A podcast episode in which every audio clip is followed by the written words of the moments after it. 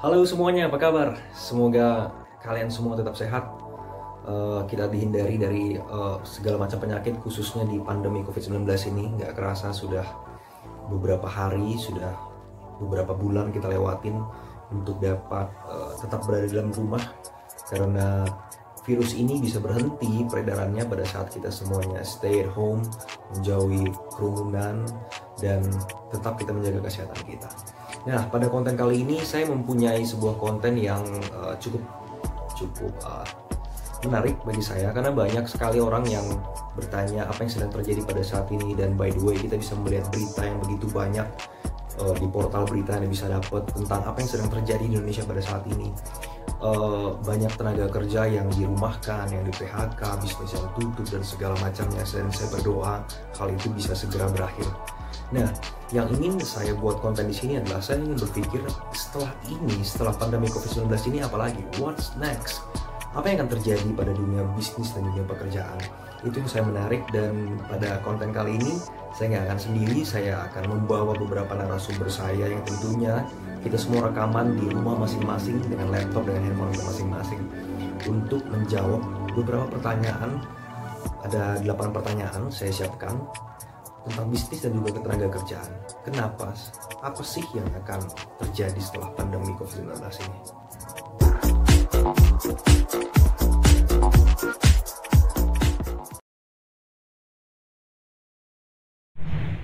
Apa yang akan berubah dari dunia bisnis dan pekerjaan setelah pandemi COVID-19 berakhir, menurut pandangan saya, sejak pandemi ini dimulai, cara-cara manusia berinteraksi sudah menyesuaikan dengan kondisi yang memprihatinkan.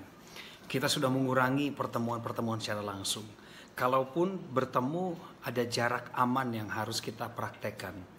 Dan Sebagaimana pandemi COVID-19 ini cepat datang dan cepat menyebar, manusia dengan segala akal dan kebijaksanaannya juga cepat mencari solusi alternatif agar perekonomian dan segala kegiatan yang menyangkutnya itu tetap berjalan. Jadi menurut saya, yang sudah saya lihat dari bagaimana kami berinteraksi secara bisnis akhir-akhir ini semenjak pandemi, maka ke depannya cara kita bertransaksi dengan banyak orang, cara kita bertukar pikiran, bahkan melaksanakan pekerjaan kita lebih dipengaruhi oleh bagaimana cara berpikir dan bertindak kita selama masa pandemi ini. Dan yang berikutnya yang menurut saya juga tidak bisa kita hindari adalah bagaimana sentuhan antara satu individu dengan individu lain itu akan banyak berkurang. Oleh sebab itu ada beberapa industri yang akan sulit untuk bangkit mengingat interaksi antara customer atau pelanggan dengan orang yang memiliki jasa atau produk ini sebenarnya tidak terelakkan dulu. Contoh dunia pariwisata. Pariwisata akan membutuhkan waktu lebih untuk bangkit karena pariwisata adalah salah satu sektor yang paling cepat terpuruk sejak ada perintah atau anjuran daripada pemerintah untuk segera menutup segala bentuk kegiatan. Dan bagi saya yang ada di dunia bisnis saat ini dengan barang dan jasa yang kami jual dan tentu saja masyarakat menjadi kenal, ini juga menjadi tantangan tersendiri karena satu unit bisnis saya ada di bidang makanan yaitu roti, transaksi untuk terjadi untuk lebih banyak menghasilkan pertumbuhan ekonomi ke depan menurut kami adalah bagaimana kami dapat berinovasi secara visual. Bagaimana kami bisa menaruh iklan-iklan yang nantinya lebih masif baik itu di media sosial maupun jalur media alternatif lainnya sehingga kemudian kegiatan pemasaran ini menjadi lebih efektif. Dan ketika customer ketika pelanggan kita memilih untuk memesan suatu menu tertentu maka kembali lagi moda transportasi adalah satu-satunya cara untuk mengantarkan barang tersebut tiba dan diterima di tangan pelanggan. Jadi sedikit atau banyak cara kita bertransaksi akan berubah setelah pandemi ini berakhir. Pandemi ini adalah warning. Kita harus terbebas dari ilusi bahwa kita hidup di dunia yang terbebas dari resiko, terbebas dari virus. Sebaliknya, ini mengingatkan kita bahwa kita hidup di dunia yang penuh dengan resiko. Setelah pandemi ini berakhir, kita akan memasuki fase yang kita namakan new normal. Untuk sebagian besar dari kita dan sebagian besar dari perusahaan, mungkin tidak akan menyangka bahwa perubahan yang terjadi setelah pandemik ini berakhir akan sedemikian besar. Namun jika ada satu hal yang akan berubah adalah perubahan itu sendiri. Pandemik ini mengajarkan kita atau mengundang kita untuk berubah. Jika dahulu company hanya melihat net profit sebagai single biggest measurement, setelah pandemik ini berakhir, konsumen akan melihat company dengan cara yang berbeda. Mungkin konsumen akan melihat kita apakah kita valuing the humanity ketika pandemik ini terjadi, atau apakah company ini bertanggung jawab terhadap alam atas proses produksinya. Sehingga kita akan punya dua hal yang berbeda, bisnis dan sosial yang akan berjalan beriringan setelah pandemik ini berakhir. Untuk menjawab hal paling urgent apa yang harus dibenahi pasca pandemi COVID-19 ini, saya pikir kita harus mulai dari apa yang sudah kita alami selama beberapa waktu ini ketika pandemi ini sudah terjadi. Kita bisa menyimpulkan bahwa cash is king karena um, bisnis itu seperti kendaraan yang bergerak dari satu titik ke titik yang lain tapi yang namanya cash itu ibaratnya adalah sebuah seperti bensinnya gitu. Jadi kalau tanpa bensin kendaraan nggak bisa maju. Seberapa besar cash reserve yang kita punya pada saat ini menentukan seberapa lama kita mampu bertahan di tengah pandemi ini karena semuanya ber, berubah, semuanya melambat dan bahkan ada market-market yang seakan-akan berhenti seperti itu. Jadi poin yang saya pikir menurut saya paling penting sebagai pelaku usaha adalah kita harus uh, membuat strategi lagi, memikirkan rethink our strategy in how we manage our finances. Ini uh, menyangkut juga seberapa ten, uh, menyangkut juga dengan growth dari perusahaan kita juga. Kalau uh, kalau kita sebelumnya memproyeksikan sangat optimis growth Eh, revenue kita akan naik uh, dengan adanya pandemi ini mungkin kita harus merubah me fine tune lah jadi growthnya yang tadi proyeksinya lebih tinggi mungkin bisa disesuaikan uh, sehingga yang tadinya mungkin kita mengandalkan leverage dari pihak misalkan perbankan atau dari investor lain kita bisa memaksimalkan sumber daya yang ada tanpa membebani perusahaan dengan uh, hutang yang lebih besar ya. Jadi uh, sumber daya itu ya macam-macam aset yang kita punya. Um, yang paling penting juga adalah sumber daya manusia tim kita itu yang kita harus uh, invest supaya betul-betul apa yang kita kerjakan itu bisa menghasilkan dengan sumber daya yang ada pada saat ini bisa menghasilkan revenue semaksimal mungkin dan profit semaksimal mungkin. Dan juga setelah kita uh, mengumpulkan profit kita juga harus benar-benar fokus pada uh, cash reserve dari bisnis yang kita punya. Supaya saya pikir nggak ke depan juga nggak akan lebih mudah dari sekarang pasti ada challenge-challenge uh, tantangan di di depan yang akan berat juga. Jadi seberapa besar cash reserve yang kita punya menentukan seberapa jauh perusahaan kita bisa maju di masa depan. Kalau berbicara tentang hal apa yang paling urgent itu mungkin akan sangat beragam tergantung dampak apa sih yang diberikan oleh pandemi ini terhadap masing-masing bisnis. Karena kita tahu justru ada beberapa bisnis yang naik selama pandemi ini tapi juga memang ada bisnis yang benar-benar uh, terpukul karena ada pandemi ini. Tapi mungkin di sini saya akan bantu highlight beberapa hal yang perlu diperhatikan. Yang pertama adalah sustainability atau keberlanjutan bisnis. Pastilah ya, semua para pelaku bisnis pasti mau bisnisnya itu bisa bertahan di tengah pandemi ini dan bisa berlanjut lagi setelah pandemi ini berakhir.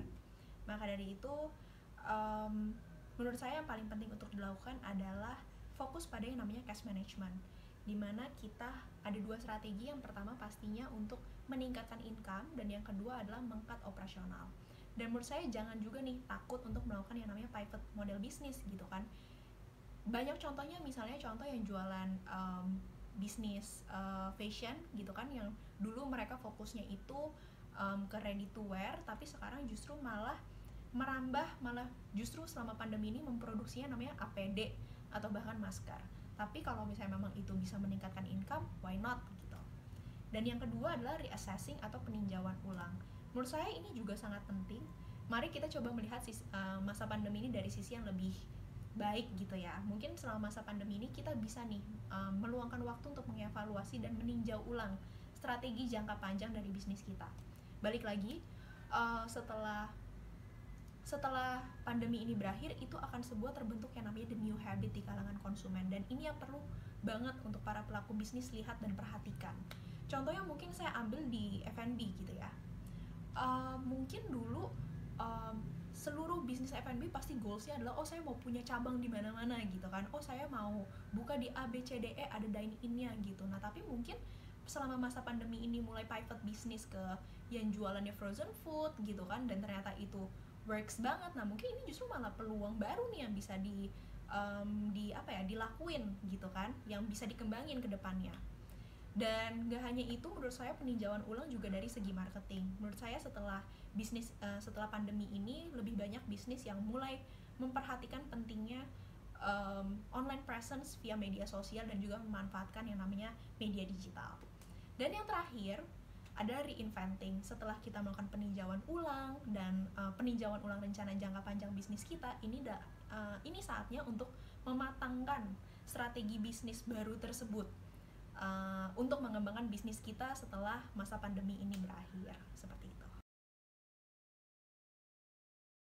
Wabah sebagai suatu yang baru lahir dari kondisi diskontinu menyebabkan dunia usaha tidak siap Tantangan yang harus dihadapi beragam, mulai dari keterbatasan infrastruktur seperti koneksi internet yang mestinya sangat mudah diatasi, cara kerja atau budaya kerja digital yang akan berbeda dengan kondisi sebelumnya, maupun pengambilan keputusan yang harus lebih cepat, adaptif dalam merespon perubahan di luar yang bergerak sangat cepat.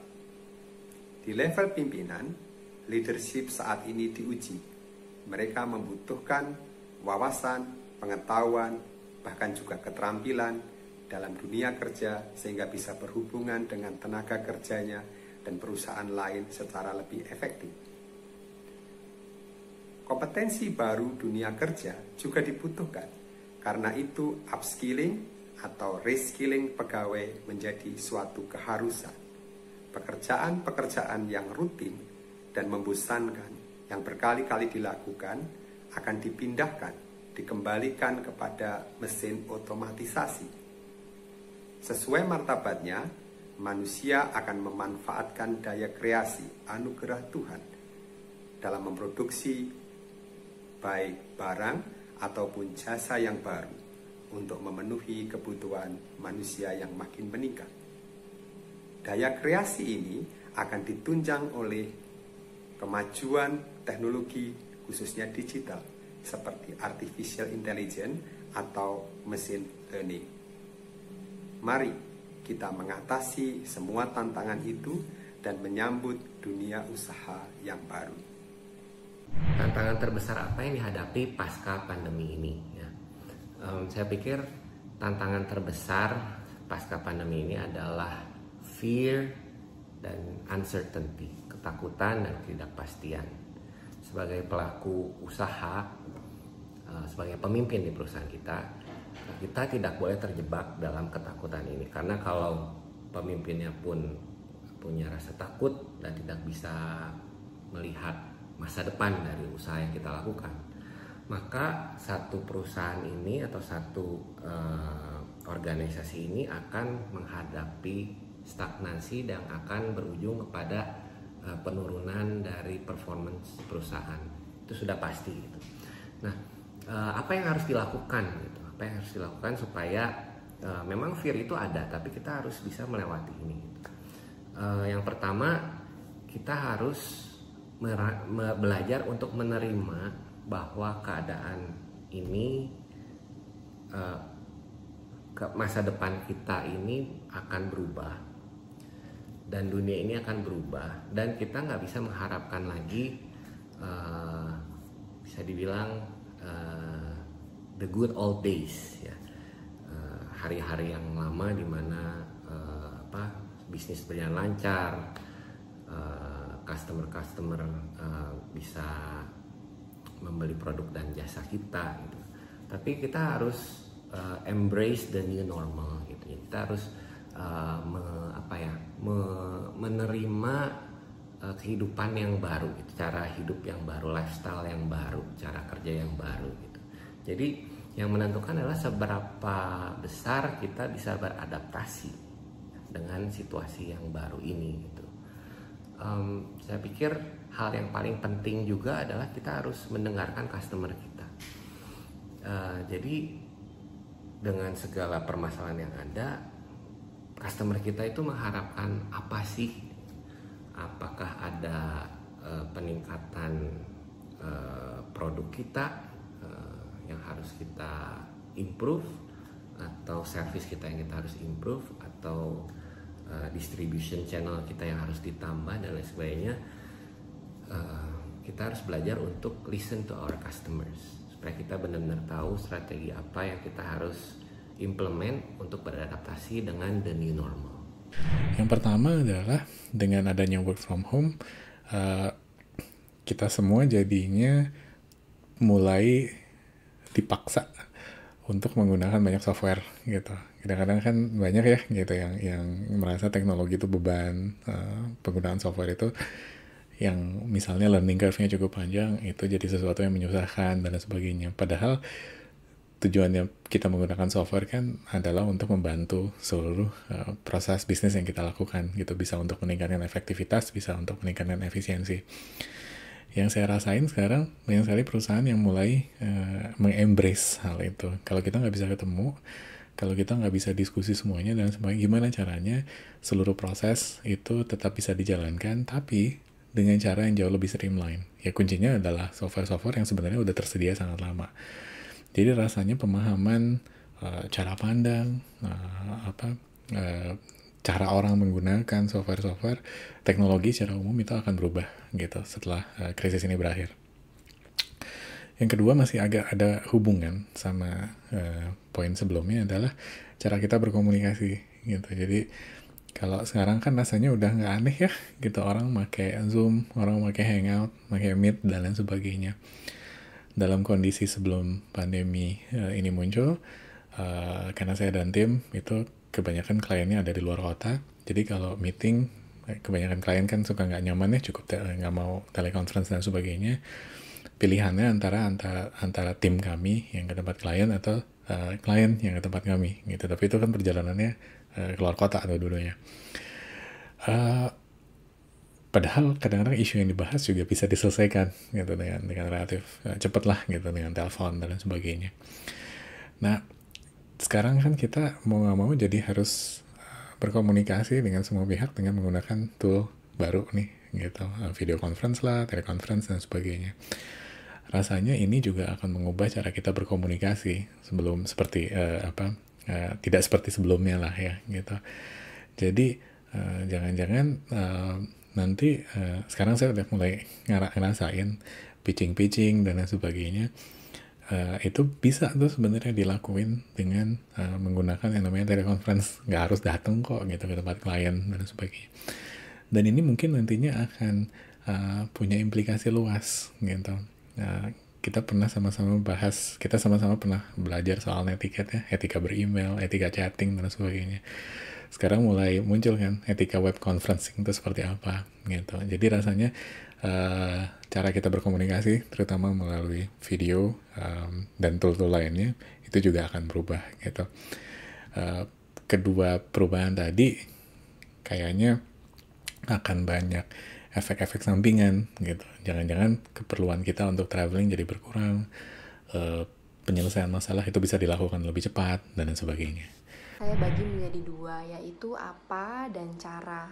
Apa lebih ke gak semua orang saat semuanya kembali ke normal akan punya habit dan behavior yang sama dalam mereka memenuhi kebutuhan hidup ya. Belanja.